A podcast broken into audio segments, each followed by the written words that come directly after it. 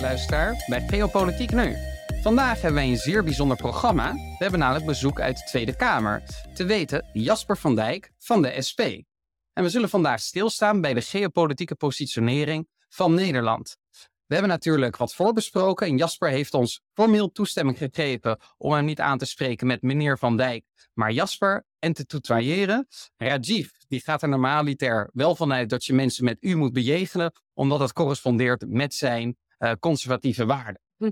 Jasper, van harte, van harte welkom natuurlijk. We zijn zeer dankbaar dat je langs wil komen. Ik ga je straks uitgebreid de kans geven om je voor te stellen en ook even te reflecteren op jouw herstelperiode, op het ja, toch wel zware werk in de Tweede Kamer. Uh, natuurlijk doe ik dat niet alleen, maar zit ik hier met mijn goede vriend en collega Rajiv Lakshmi Persaat.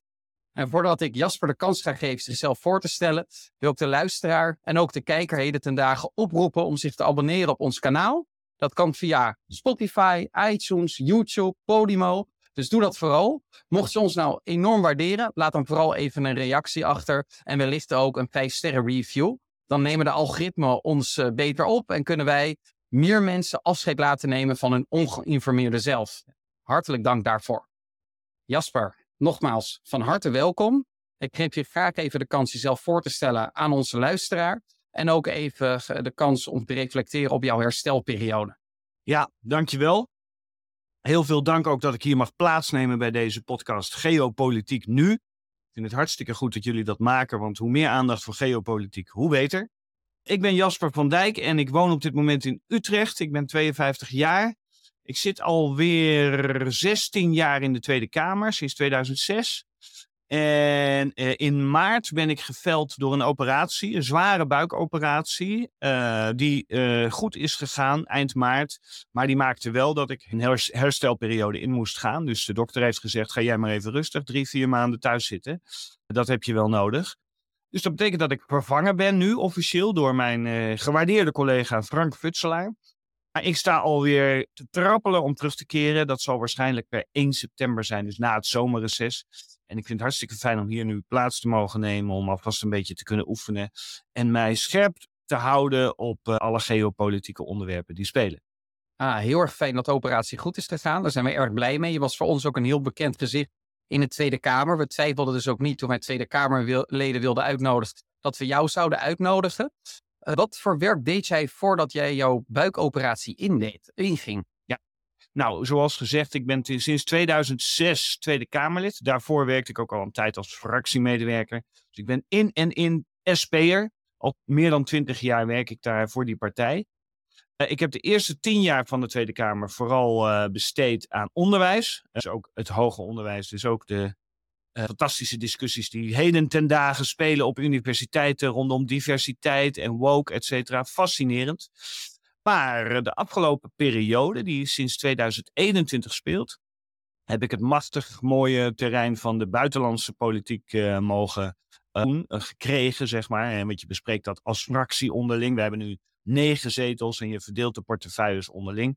En toen mocht ik buitenlandse zaken gaan doen. Maar meer dan dat, want ook defensie, Europa, asiel en ontwikkelingssamenwerking behoren tot mijn portefeuille. je moet alle grote issues van het moment eigenlijk. Ja, je zou kunnen zeggen alles over de grens. Want we hebben negen zetels en je moet met die negen mensen moet je de hele politiek verdelen. Dus dat, dat is, mijn portefeuille is er niet kleiner op geworden. Want eerlijkheid gebied te zeggen, we hebben gewoon minder zetels. Moet je met negen mensen moet je meer werk doen.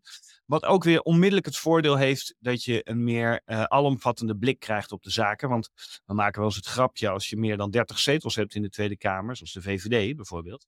Ja, dan, dan moet, al die Kamerleden moeten woordvoerderschappen krijgen. Dus dan heb je het grapje van. Uh, wat doe jij? Nou, ik, doe, ik ben woordvoerder mahoniehout en de andere is woordvoerder tropisch hout. En, ja. oftewel hele smalle, beperkte portefeuilletjes. Tuurlijk, ja. Terwijl je als de SGP bijvoorbeeld heeft drie zetels.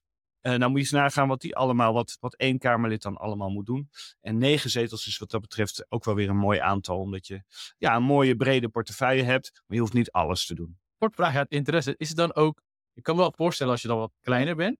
Dus je hebt meer hoofdzaken per persoon.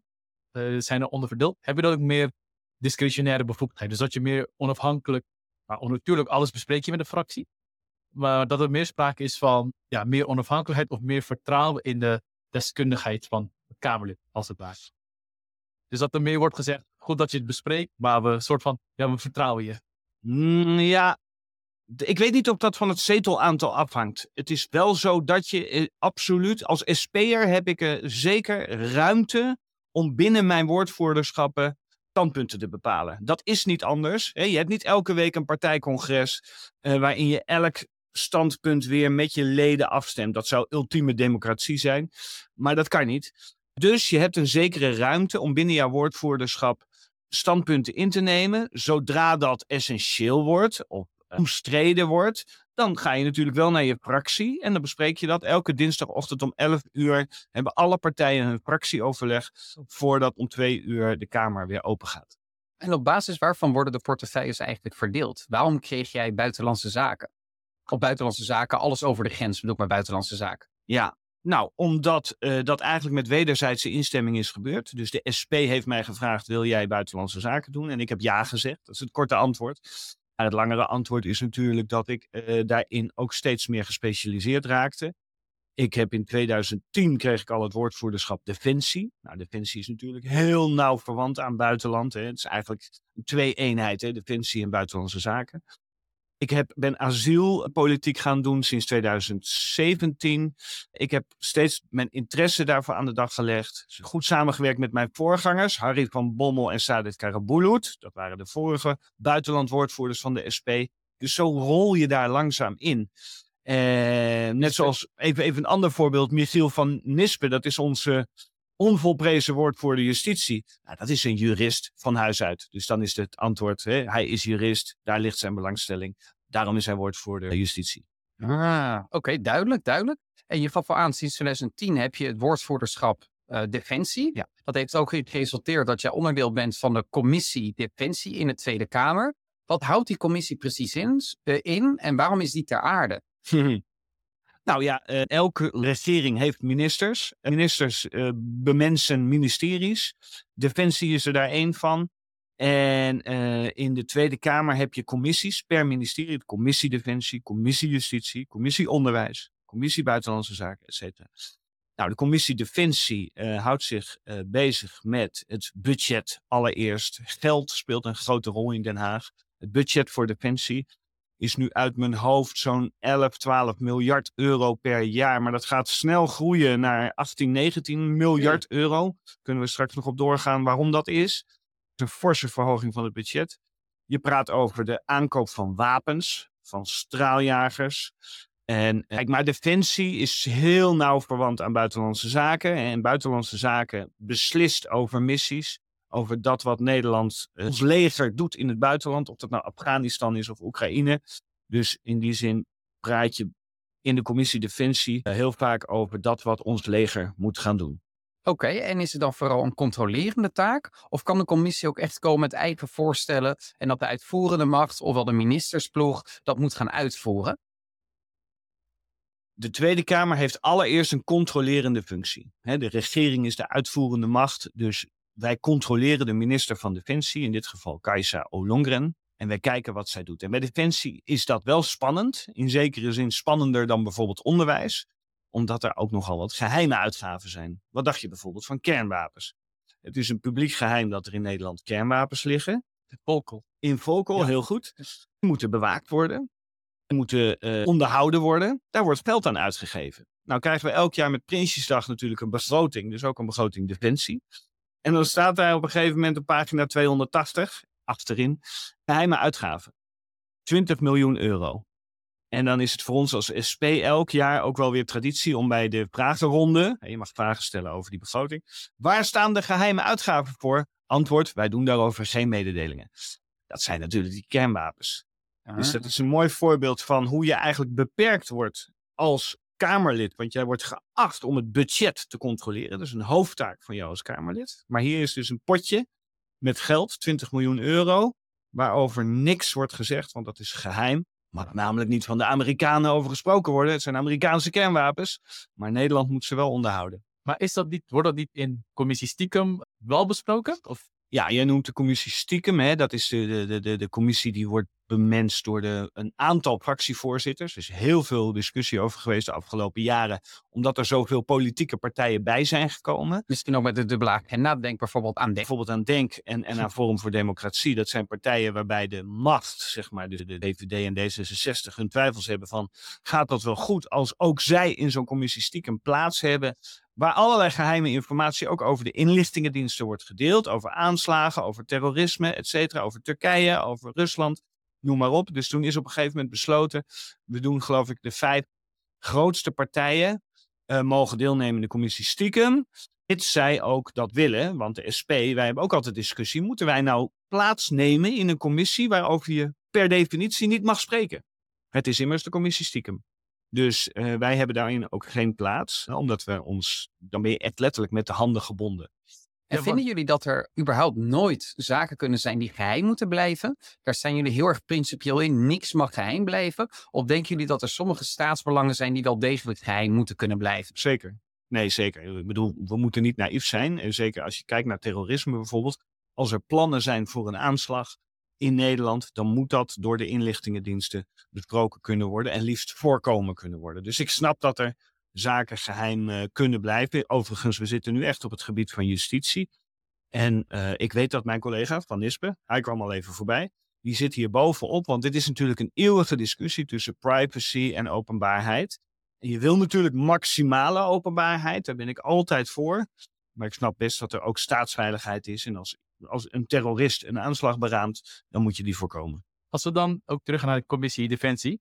Als we bijvoorbeeld kijken naar wat Pieter Omtzigt zei, dat de Tweede Kamer heeft naast het maken van wetten vooral een controlerende functie. Het wetten maken, dat is leuk. Dat is vaak waar de politieke show is. Dat komt op tv. Maar bij het controleren, voor laatst hadden we bijvoorbeeld niet het omgekeerde van Prinsjesdag. Uh, dat ze het gaan controleren met de naam kwijt. Van de Algemene Rekenkamer die dan terugblikt. Klopt, ja. Dat, ja zoals gehaktdag, woensdag gehaktdag. Zoals ik weet niet welke datum dat dit is belangrijk is. half mei is dat. Uh, in ieder geval, dat controlerende taak, dat dat best wel steeds meer onder druk komt te staan. Eén, omdat informatie steeds minder wordt gedeeld. En we hebben het gisteren gezien met Groningen debat dat informatie dat wordt gedeeld misschien niet altijd waar is. Uh, maar twee, dat vooral veel Tweede Kamerleden, nou u gaf dat in het begin ook al aan, met een te hoge werkdruk te maken hebben. Dat ze vaak een dag van tevoren rapporten moeten inlezen, te weinig stap hebben, te weinig assistentie. Wat merkt u daar zelf van en ook bij uw collega ja, binnen het commissie Defensie, maar ook in het algemeen? Want is het, uh, ja, hebben jullie personeelstekort? Zouden jullie meer op en een groter budget willen hebben? Ik weet, niet, ik weet niet of we direct personeelstekort hebben. Want kijk, ik ben één Kamerlid en ik heb globaal drie medewerkers. Eentje voor buitenlandse zaken asiel, eentje voor defensie en eentje voor Europa.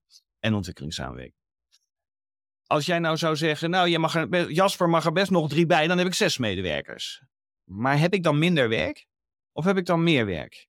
Die zes medewerkers zullen mij met nog meer informatie voorzien. Dus ik, ik vind dat twijfelachtig. Hoewel ik het zeker eens ben dat er voldoende ondersteuning moet zijn voor de Tweede Kamer om een controlerende werk te doen. En daar heb je een, een goed punt, denk ik. Dat wordt, wordt er niet makkelijker op. Ten eerste omdat we met Mark Rutte zitten opgescheept en de man heeft niet zoveel moeite met de waarheid. De waarheid is een optie, zeggen we wel eens als SP. Bij, bij Mark Rutte is de waarheid een optie.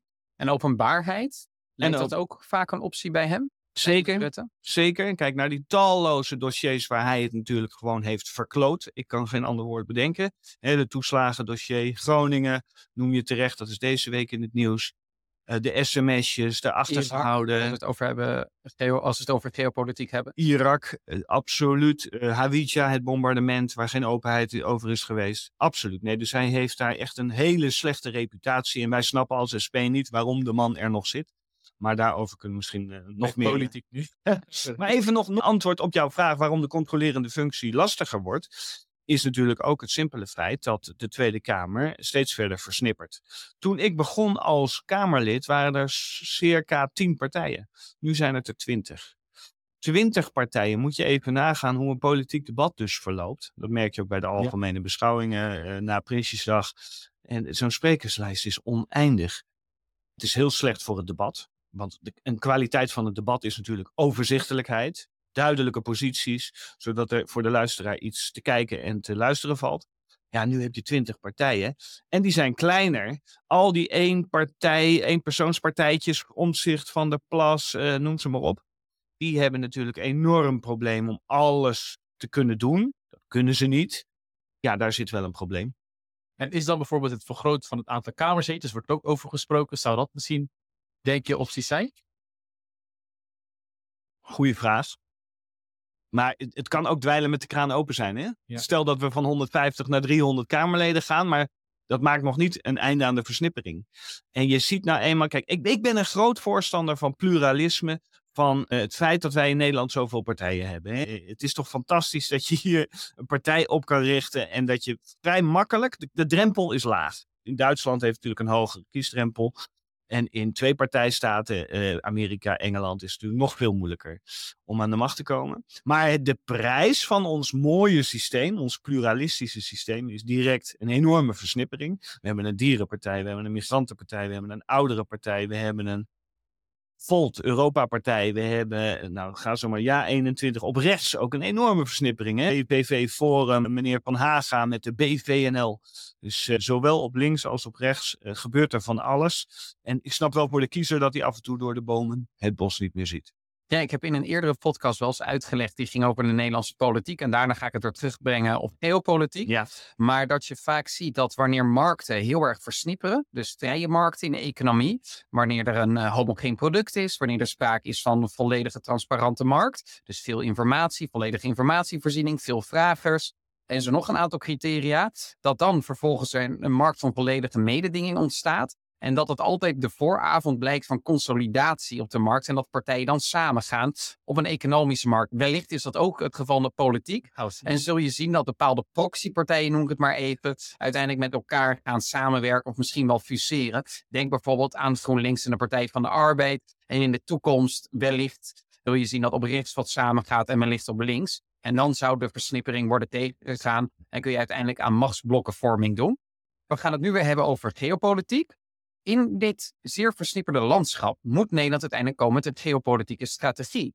Hoe komt de geopolitieke strategie van Nederland eigenlijk tot stand? Goeie vraag. De geopolitieke situatie, misschien is het goed om dat nog even wat nader te duiden, maar in principe komt die natuurlijk tot stand door de regering en de Tweede Kamer samen. Zoals al het beleid in principe tot stand komt door de regering en de Tweede Kamer tezamen. Nou kan je bij geopolitiek, dat is zo'n omvattend begrip natuurlijk. Uh, direct moet je denk ik naar de historische context kijken. En dan zie je dat Nederland van oudsher een zeer transatlantisch land is. We zijn gericht op de Verenigde Staten. Wij, daarmee bedoel ik de macht. Hè. De SP zit daar een stuk kritischer in. Maar het is nu eenmaal zo, vanaf de Tweede Wereldoorlog is Nederland natuurlijk onderdeel van Europa, Europese Unie, de NAVO. En uh, zijn wij in die zin zeer door die positie geopolitiek bepaalt. Maar daar valt in de Tweede Kamer veel over te zeggen. En dat wil ik graag toelichten uh, in dit gesprek. Ja, wij noemen dat zelf dat ook wij zijn eigenlijk cultureel, economisch en militair onderdeel van de American Empire. Ja. Als je kijkt naar de Romeinse Rijk, en ik hou van documentaires, dan zie je dat het eigenlijk hetzelfde is, dat los van het huidige Italië, maar het Gallië, maar ook in Griekenland, dat waren, is net als nu, ze hadden best wel veel relatieve vrijheid voor binnenlandse zaken. Ze moesten alleen militair een alliantie hebben. En cultureel waren ze ook uh, sterk beïnvloed vanuit Rome. En dat zie je hier ook. We dragen eigenlijk Amerikaanse kleding. We luisteren eigenlijk hun muziek. Al is het op zijn Nederlands, is het eigenlijk nog steeds Amerikaanse stijl. Dus zo zien wij het eigenlijk. Uh, ja, hoe kijk jij er eigenlijk naar? Nou, eens. Dat is natuurlijk waar. De, de, invloed van de Verenigde Staten op Europa is immens sinds de Tweede Wereldoorlog, waar met name de Verenigde Staten eigenlijk zijn dominante positie uh, kreeg. De Veiligheidsraad van de Verenigde Naties bestaat uit de overwinnaars van de Tweede Wereldoorlog: China, Rusland, Engeland, Frankrijk en de Verenigde Staten. En die heeft zeer succesvol uh, de wereld en zeker ook Europa weten onder te dompelen in al die producten die jij net noemde: Coca-Cola en McDonald's natuurlijk, als de symbolen van het Amerikaanse imperialisme, om er maar eens een term in te gooien die buitengewoon succesvol zijn. Daar, daar kan je niet omheen. Ja, als, wat resteert dan voor de Tweede Kamer? Want je zou kunnen zeggen, onze geopolitieke positie is al enorm bepaald. En daar valt absoluut wat voor te zeggen. Want het is op een bepaalde manier logisch dat je in de American Empire opgenomen wordt. op het moment dat de Sovjets een paar honderd kilometer oostwaarts zitten. Dus dat is een begrijpelijke keuze. Het heeft ons op een bepaalde manier economische voorspoed gebracht. Maar je hebt misschien ook wel eens tegenstrijdige belangen met de Amerikanen. Welke positie kan de Tweede Kamer dan innemen? En is er nog wel volwaardige keuzevrijheid voor die Tweede Kamer? De Tweede Kamer kan in elk geval het debat hierover voeren. Ik ben uh, geboren in 1971, dus in zekere zin een kind van de Koude Oorlog. Ik volgde dat ook met veel interesse. En je had natuurlijk in de jaren 80, toen ik puber was, uh, de Sovjet-Unie versus de Verenigde Staten. Dat waren twee duidelijke machtsblokken, twee Polen die tegenover elkaar stonden. Nederland maakte deel uit van het westerse blok. Maar mijn ouders, die waren daar zeer kritisch over. Ik ben zeer links opgevoed, mag je wel zeggen. Ehm, en mij stemde bijvoorbeeld PSP. Nou, dat vond ik het, sympathieke van de PSP, de Pacifistisch-Socialistische Partij. Die zei: Wij zijn niet Sovjet-Unie en wij zijn niet Verenigde Staten. Wij willen zoeken naar een derde weg, als het ware. Dat vind ik zeer aansprekend. Zeker in die tijd, hè, waarin het zowel op de Verenigde Staten als op de Sovjet-Unie veel was aan te merken. De Sovjet-Unie was een snoeiharde dictatuur natuurlijk, richting Oost-Europa ook. Geen discussie daarover wat mij betreft. Maar de Verenigde Staten was ook geen lievertje. Kijk naar Vietnam.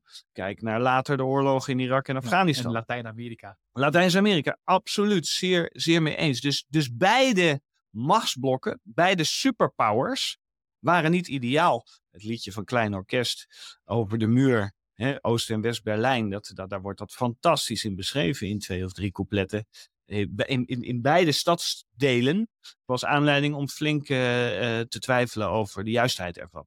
Wilden zij eigenlijk lid worden van de organisatie van niet-gebonden staten? Weet je dat? Mijn ouders. Uh, nee, maar de PSP. Ja, ja, ja, de PSP. Dat weet ik niet zo direct, maar je zegt het goed. Hè? Dat, er was een derde weg. Ja. De organisatie van niet-gebonden landen. Ik geloof dat die sterk door Tito werd getrokken. Ja. In Joegoslavië. In, in, in Azië. In Afrika en Azië, precies. Dat waren dus de landen die zeiden: wij willen ons expliciet niet aansluiten bij een van die twee superblokken. Wij zijn niet gebonden landen. En ja, absoluut. Dat, maar dat, dat, dat zien we nu ook terug. Uh, geopolitiek, de drang van veel landen naar een multipolaire wereldorde. Dus het niet unitair waarbij Amerika of bipolair waarbij Amerika of China bepalen, maar dat er de wereld wordt ingedeeld in regio's. En dat per regio één of twee hoofdlanden de, ja, de voorzitters zijn, als het ware. De dienst uitmaken. De dienst uitmaken. Zij noemen het zelf de voorzitters zijn. Bijvoorbeeld Brazilië wil het graag in Zuid-Amerika zijn. Maar in Europa zie ik ook steeds meer discussietjes opkomen. Want Europa had vroeger, had vroeger echt een onafhankelijke buitenlands beleid. Die had echt een Duits, Frans, Nederlands buitenlands beleid vanwege ook de kolonie en dergelijke. Maar als we naar, de moderniteit trekken, in hoeverre is zijn bij jij of de SP daar ook een voorstander van? Dat ook Europa, wat misschien Macron ook wil, de president van Frankrijk, echt een meer een onafhankelijkere koers gaat bepalen. Ik vind dat zeer uh, aansprekend. Ik ben in die zin ook een voorstander van, het, van een multipolaire wereld, als je dat kan zeggen. Uh, tegenover een unipolaire wereld waarbij de Verenigde Staten alles bepaalt. Dat was natuurlijk toch een beetje na de, ja, na de Koude Oorlog, na 89, een beetje de realiteit. Ik denk dat het veel gezonder is als de wereld bestaat uit een multipolaire wereld. Maar dan heb je in de Tweede Kamer ook wel een zware klus te klaren. Want je ziet dat er een krachtig middenblok is, eigenlijk van GroenLinks tot VVD en alles wat daartussen zit. Dat zegt meer Europa, meer transatlantisch denken, uh, meer defensie. Zie jij EU ook als een voortvloeisel van Amerikanisme. Maar ze zou misschien wel juist kunnen zeggen, zoals Macron, dat de EU wellicht voor extra strategische autonomie kan zorgen voor dit continent en dus ook een onafhankelijker buitenlands beleid. Nee, dat is ook zo. Wat dat betreft zijn er dus stromingen. Kijk, Macron en Frankrijk eh, natuurlijk traditioneel ook Amerika-kritisch. Dat valt wellicht ook de prijzen aan Frankrijk. Die zegt, wij willen niet zomaar meelopen met al die McDonald's en die Coca-Cola. Wij hebben onze eigen Franse traditie en onze eigen waarden. Er is zeker een, stroming die zegt, Europa moet onafhankelijker zijn, autonomer. Strategische autonomie is het toverwoord van deze tijd. Kunnen we ook nog lang over doorpraten. Wat bedoelt men daar dan precies mee? Dus dat valt te volgen voor mij in, een groot uh, eind. Aan de andere kant moet je ook weer oppassen dat je niet ook weer vervolgens Europa als een soort militair machtsblok gaat formuleren. En zegt van nou, wij moeten naast de Verenigde Staten ook Europa tot een militair super machtsblok maken. Dat is misschien een beetje D66 denken, die, die gedachte zit. Hè? Europa als een federale eenheid, als een superstaat, meer macht naar Brussel, meer militaire kracht strategisch autonoom, et cetera. Dat is niet mijn richting. Oké, helder. En heb ik eigenlijk nog een vraag. Want je geeft aan dat je graag zou willen dat Nederland en ook andere Europese landen meer onafhankelijk buitenlands beleid kunnen voeren. Zou je voorbeelden kunnen noemen waar Nederland andere belangen heeft dan Amerika? Want stel je voor, we hebben precies dezelfde belangen. Dan is het alleen maar goed dat we samen optrekken. Logisch. ja. Maar er zijn blijkbaar ook voorbeelden te noemen waar wij tegengestelde belangen hebben. Zou je een paar voorbeelden kunnen geven? Ja, maar dan zou ik dat met name gewoon als SP'er willen zeggen. Want als je... de- Dat mag. Ik ben deze toerist. Ja. Nee, dus even SP tegenover wat de Nederlandse regering zegt. Want de Nederlandse regering, Wopke Hoekstra als minister, eh, Rutte als premier, zijn zeer transatlantisch gericht. Zijn zeer pro-Amerika. Zeker met de oorlog in Oekraïne op dit moment zie je een enorme eenwording, als het ware, van Europa en Amerika. De NAVO is weer levendiger dan ooit. Een paar jaar geleden werd hij nog brain dead verklaard door Macron. Op dit moment is de NAVO eh, weer, eh, eh, staat weer vier overeind. Dat kun je gewoon niet ontkennen. Dankzij Vladimir Poetin notabene. Maar goed, als SP zeggen wij, nou, we vinden Amerika een veel te militaire, omstreden supermacht. Kijk naar de, de foute oorlogen die zij hebben gevoerd in het verleden. Irak, Afghanistan, Vietnam, ze kwamen al even voorbij. En ook nu in hun politiek richting China vind ik dat veel te polariserend wat zij doen. Hè. Zij zien China als een vijand. Er is een soort China-hysterie in Amerika op dit moment, waarbij China het kwaad is. Het lijkt mij een zeer foute politiek waar Nederland zich tegen moet keren. Op wat voor manier? Moeten wij de economische banden hecht houden? Moeten wij bijvoorbeeld eh, producten eh, blijven kopen die uh, gebruikt of blijven verkopen die gebruikt kunnen worden voor een surveillance staat optuigen? Hoe moet ik dat zien? Waar moeten wij ons wel keren tegen China en waar niet? Vooral van die hoogwaardige technologie. Want wij willen het wel verkopen, maar we doen het nu niet onder druk van Amerika. Ja. Ja, met name ASML. Precies, dat klopt. Nou ja, ik zou daar zeker ook een meer zelfstandige positie in bepleiten. Terwijl ik tegelijk niet naïef wil zijn over de foute politiek van China. Laten we daarover ook eh, geen misverstand. Eh, China is een dictatuur. Heeft, je noemde al de surveillance staat, hè, de, de, toezichtdrang vanuit China om werkelijk elk individu op microniveau te gaan volgen. Eh, kijk naar de discussie over TikTok eh, en andere zaken. Eh, dat zie ik. Ik zie, ik zie dat, er, dat China geen heilig bandje is. Eh, maar dat is, de vraag is, moet je in een multipolaire wereld China tot een, vijand formuleren, waar de Verenigde Staten, wat de Verenigde Staten op dit moment doet, en liefst ook Europa en dus ook Nederland daarin meetrekt. Dat lijkt mij verkeerd. Oké, dus dan zou Nederland wat dat betreft op bepaalde thema's eigen keuzes moeten kunnen maken. Zijn er ook belangen te noemen waarvan jij zegt, nou, daar vind ik dat Nederland inderdaad samen moet optrekken met Amerika. En dat heeft Nederland in het verleden goed gedaan.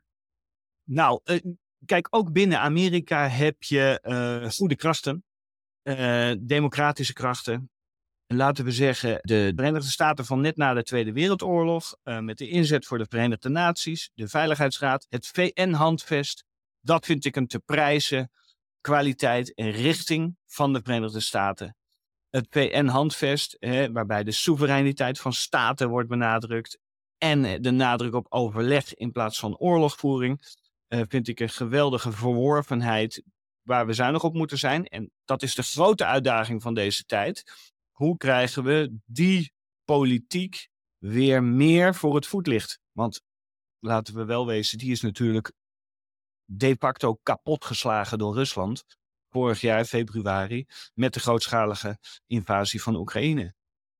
Rusland, helaas ook lid van de Veiligheidsraad, heeft in feite gezegd: weg met het VN-handvest, weg met al het praten over uh, Verenigde Naties, internationaal recht.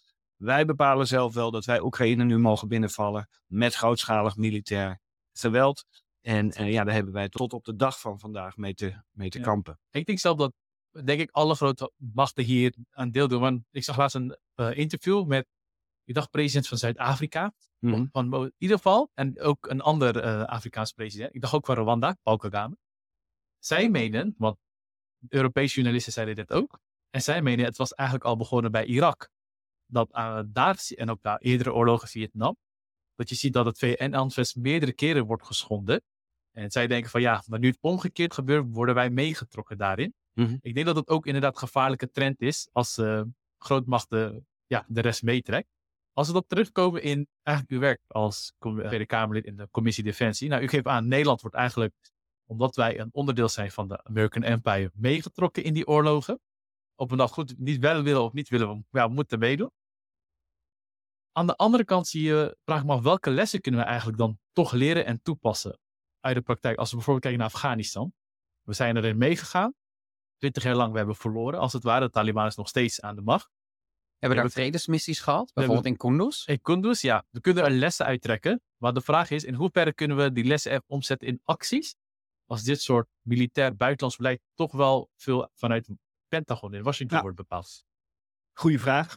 Toen ik begon als woordvoerder buitenlandse zaken, dat was dus 2021. Toen was dit, stond bovenaan de agenda. Uh, het was al president Trump en daarna president Biden, die allebei zeiden: Afghanistan is een hele trieste, gefaalde, uitzichtloze oorlog gebleken. Wij gaan daar weg. Dat was de zomer van 21. Herinner je nog 15 augustus Kabul? Ja. De vliegtuigen uh, die daar vertrokken met de Afghanen die mee wilden. Ongelooflijk triest om naar te kijken.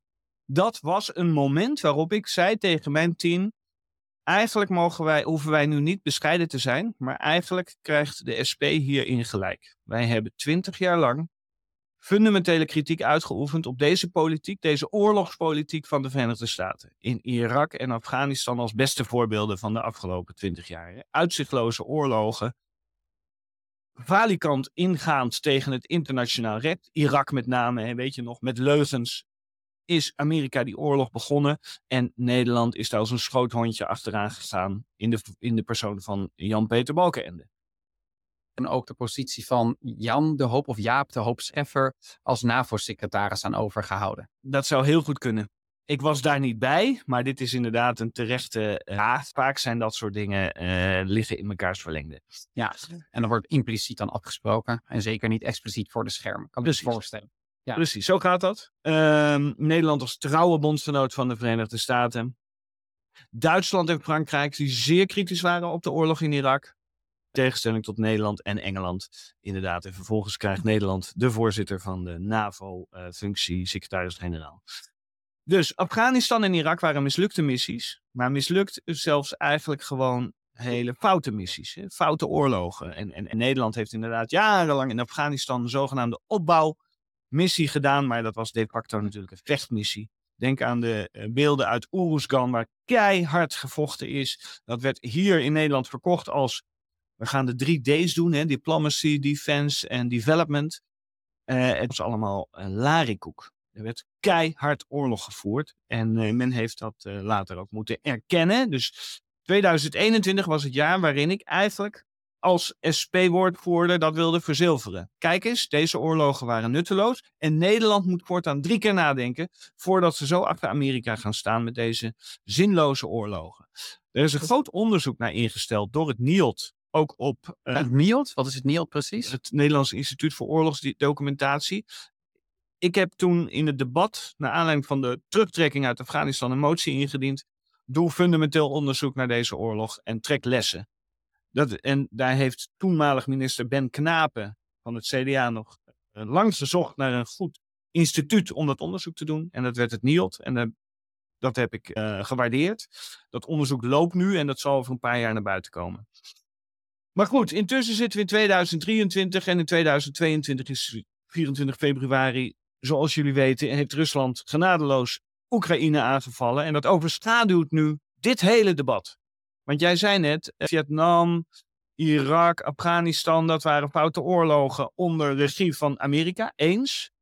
En die keuren wij ten zeerste af. Hebben wij altijd zeer tegen gestreden, letterlijk op straat de oorlog van Rusland tegen Oekraïne is minstens zo verkeerd. Ik zou niet willen zeggen, uh, de, de, de, oorlogen van Amerika tegen Irak en Afghanistan waren fouter dan die van Rusland tegen Oekraïne. Ik, ze zijn om te beginnen verschillend. Maar uh, ik zou dus willen oppassen om te zeggen van nee, maar iedereen praat over uh, Rusland. Maar kijk eens naar wat Amerika verkeerd heeft gedaan. Dat is op zich een juiste vraag. Maar ik zou niet willen zeggen, dat Rusland daardoor onschuldiger is. Ja, dubbel fout maakt niet in één keer goed. Wordt dan wel vaak gezegd. Dus ja, misschien is Amerika fout geweest in het verleden. Uh, zeker als het gaat om Irak en Afghanistan bestaat er inmiddels wel een algehele consensus over. Dit was niet handig. Juist. Om het maar heel erg uh, eufemistisch uit te drukken. Maar dat maakt het natuurlijk niet goed dat Rusland Oekraïne binnenvalt. Dus dat moet je in dezelfde mate dan eigenlijk afkeuren. Het zijn allebei schendingen van het internationaal recht. En dat zou ik graag tot een centraal punt van de SP willen maken. Wij zijn voorstander van het internationaal recht. Dat betekent dat je conflicten beslecht aan tafel in plaats van op het slagveld. En dat je je hebt te houden aan afspraken die we met elkaar maken omtrent grenzen, soevereiniteit en rechtsstaat. En als je dan die blokken tegenover elkaar zet. Verenigde Staten is eigenlijk meest of de hoofdverantwoordelijk voor de oprichting van de VN en ook het eh, VN-handvest. En daarmee respect voor soevereiniteit. En uh, die soevereiniteit die hebben wij heel hoog in het vaandel staan als Nederland.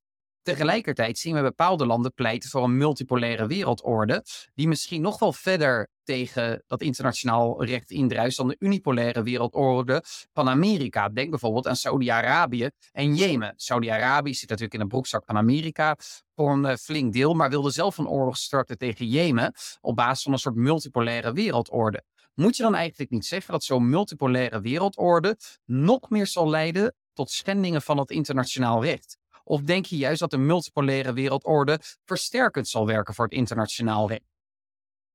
Wow, dat is een hele goede vraag. Ik zou inderdaad uh, dat laatste eerder willen kiezen.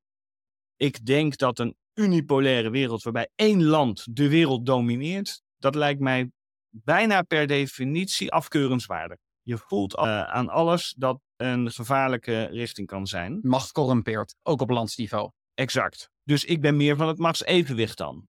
Uh, en het is beter als landen, dan heb je het pluralisme weer, met elkaar de wereld ordenen, in plaats van dat één land alles bepaalt. Daarnaast ben ik voorstander van het internationaal recht. Dat is waar. Dus ik ben er wel voorstander van dat we als landen afspraken maken over hoe we met elkaar omgaan. En die zou je kunnen vastleggen, en dat is gedaan, in een handvest. Uh, waarin je spreekt over het respecteren van elkaars grenzen.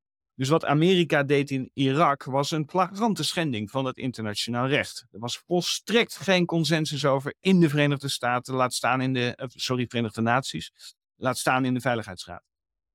Exact hetzelfde geldt voor Rusland, die Oekraïne binnenvalt. was ook een flagrante schending van dat internationale recht. Dus ik ben er wel voorstander van dat je een bodem maakt, een ondergrens, waarvan je zegt: dit zijn afspraken waar we ons allemaal aan te houden hebben.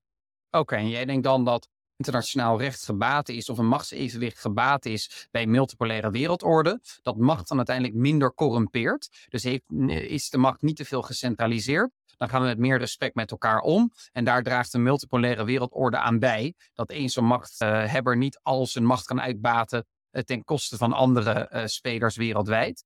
Tegen deze achtergrond moet Nederland natuurlijk positie kiezen. En dat is ongelooflijk lastig. En in de Tweede Kamer is er de grofweg bij het motorblok, noem het maar even, dus van GroenLinks tot en met de CVD, overeenstemming over. En dan met name over soevereiniteit. En soevereiniteit, dat moeten wij met z'n allen handhaven. Ik heb net al gezegd, we hebben het aandeel staan. Tegelijkertijd zijn er veel mensen wereldwijd die zeggen, waaronder Rusland, maar ook in India, dat we rekening moeten houden met invloedssferen. En dat zou misschien wel in de kern het conflict tussen Rusland en het Westen nu kunnen blootleggen. Respect voor soevereiniteit versus respect voor invloedssferen. Hoe staat de SP daarin? Ik weet niet of je dat helemaal als tegenstelling moet zien, uh, soevereiniteit en invloedssfeer, want volgens mij bestaan ze allebei.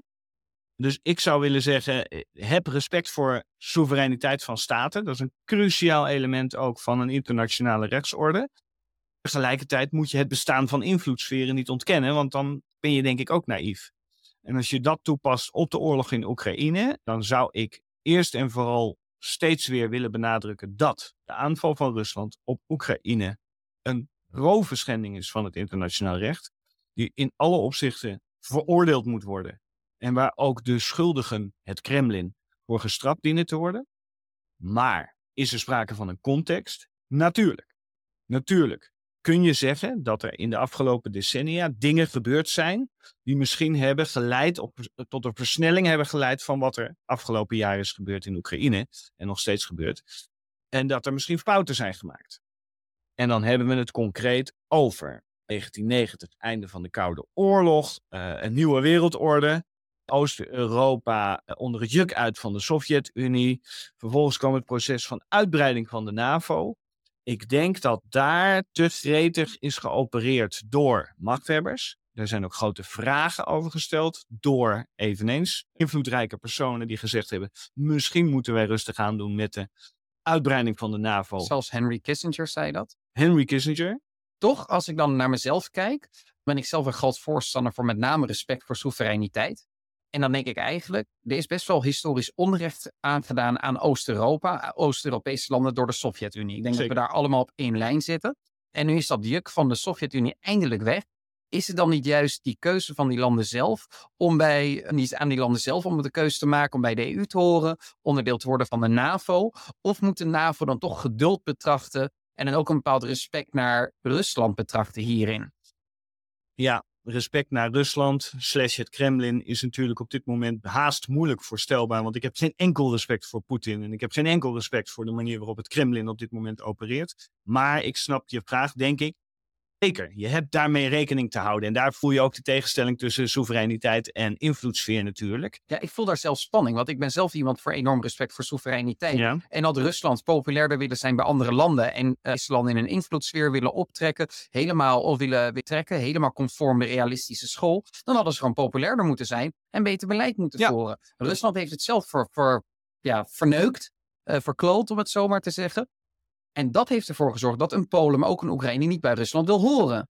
En dan toch wordt er wel eens gepleit voor dat wij met meer respect de NAVO hadden moeten uitbreiden. Ja, ik voel daar wel een bepaalde spanning. Hoe sta jij daar tegenover? Nee, ik voel dat de Russen moeten gewekt. Omdat ja. ze, ja. kijk, hoe worden we behandeld? En eerlijk gezegd, ook als ik naar de geschiedenis kijk, dan denk ik van ja, dat was niet, was niet netjes. De landen los van Rusland binnen de Sovjet-Unie, dat waren eigenlijk ook koloniën. Ja, voor het, uh, Satellietstaten, hè? Ja, ja. het Russische um, vasteland. Nee, eens, absoluut. En toch neemt dat niet weg dat je als organisatie mag nadenken over jouw leden. En over jouw lidmaatschapspolitiek, om het zo maar te noemen. Kijk, vlak voor de, ah, de aanval van Rusland op Oekraïne was de discussie: moet Oekraïne lid worden van de NAVO?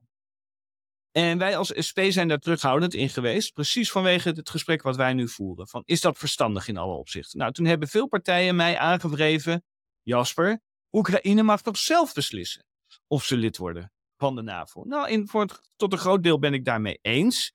Oekraïne mag een lidmaatschap aanvragen. Maar laten we nou niet net doen alsof wij niet ook gaan over wie lid mag worden van de NAVO, als Nederland zijnde. Want stel nou dat Egypte zou vragen: mogen wij lid worden van de NAVO?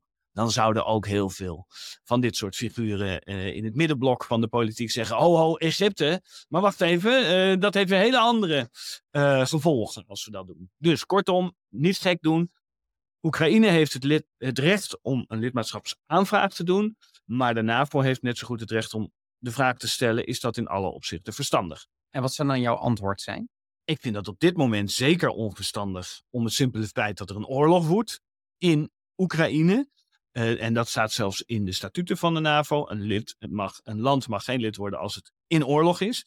Want stel dat, het, dat Oekraïne vandaag lid wordt van de NAVO, nou je voelt hem al, dan is onmiddellijk artikel 5 van toepassing. Een aanval op één lid is een aanval op ons allen. Dus dan zou de NAVO direct in oorlog zijn met Rusland. Nou, dat is nu juist iets wat afgelopen jaar buitengewoon gevoelig ligt natuurlijk. NAVO-lidstaten zijn buitengewoon actief in het bewapenen van Oekraïne, maar uh, zijn zelf niet militair actief in Oekraïne, althans niet openlijk. Er valt ook veel over te zeggen, maar er zijn in ieder geval niet, er zijn niet openlijk militairen van NAVO-landen actief in Oekraïne. En dat is verstandig. En kan Oekraïne nooit lid worden van de NAVO? Zeg nooit nooit. Maar op dit moment is het niet verstandig. Oké, helder. Uh, ik denk dat we met deze woorden dan voor nu gaan afsluiten. Er komt uiteraard een tweede deel waarin wij zullen ingaan op de bredere geopolitieke situatie wereldwijd. Dreigt er een nieuwe uh, koude oorlog tussen Rusland, China enerzijds en het Westen, geleid door Amerika anderzijds? Welke rol zou de EU hier moeten spelen en Nederland zelf en ook de NAVO? En wat is de visie van de SP daarop?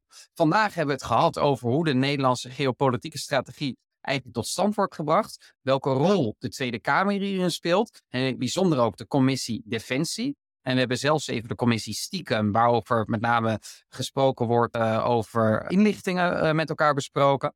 En we hebben het natuurlijk gehad over de verschillende visies in het parlement. Hoewel die helemaal niet zo ver van elkaar afstaan als het gaat om het motorblok, het binnenblok, het, het hoe noem je het nou? Middenblok. Het, het middenblok, inderdaad. Maar dat de SP daar traditioneel wel een net iets andere visie heeft dan andere partijen. Heel hartelijk dank voor dit gesprek, eh, Jasper. Jij natuurlijk ook, Rajiv. En beste luisteraar, laat even een reactie achter. Dat waarderen wij zeer. En wij hopen dat jullie weer afscheid hebben kunnen nemen van jullie ongeïnformeerde zelf.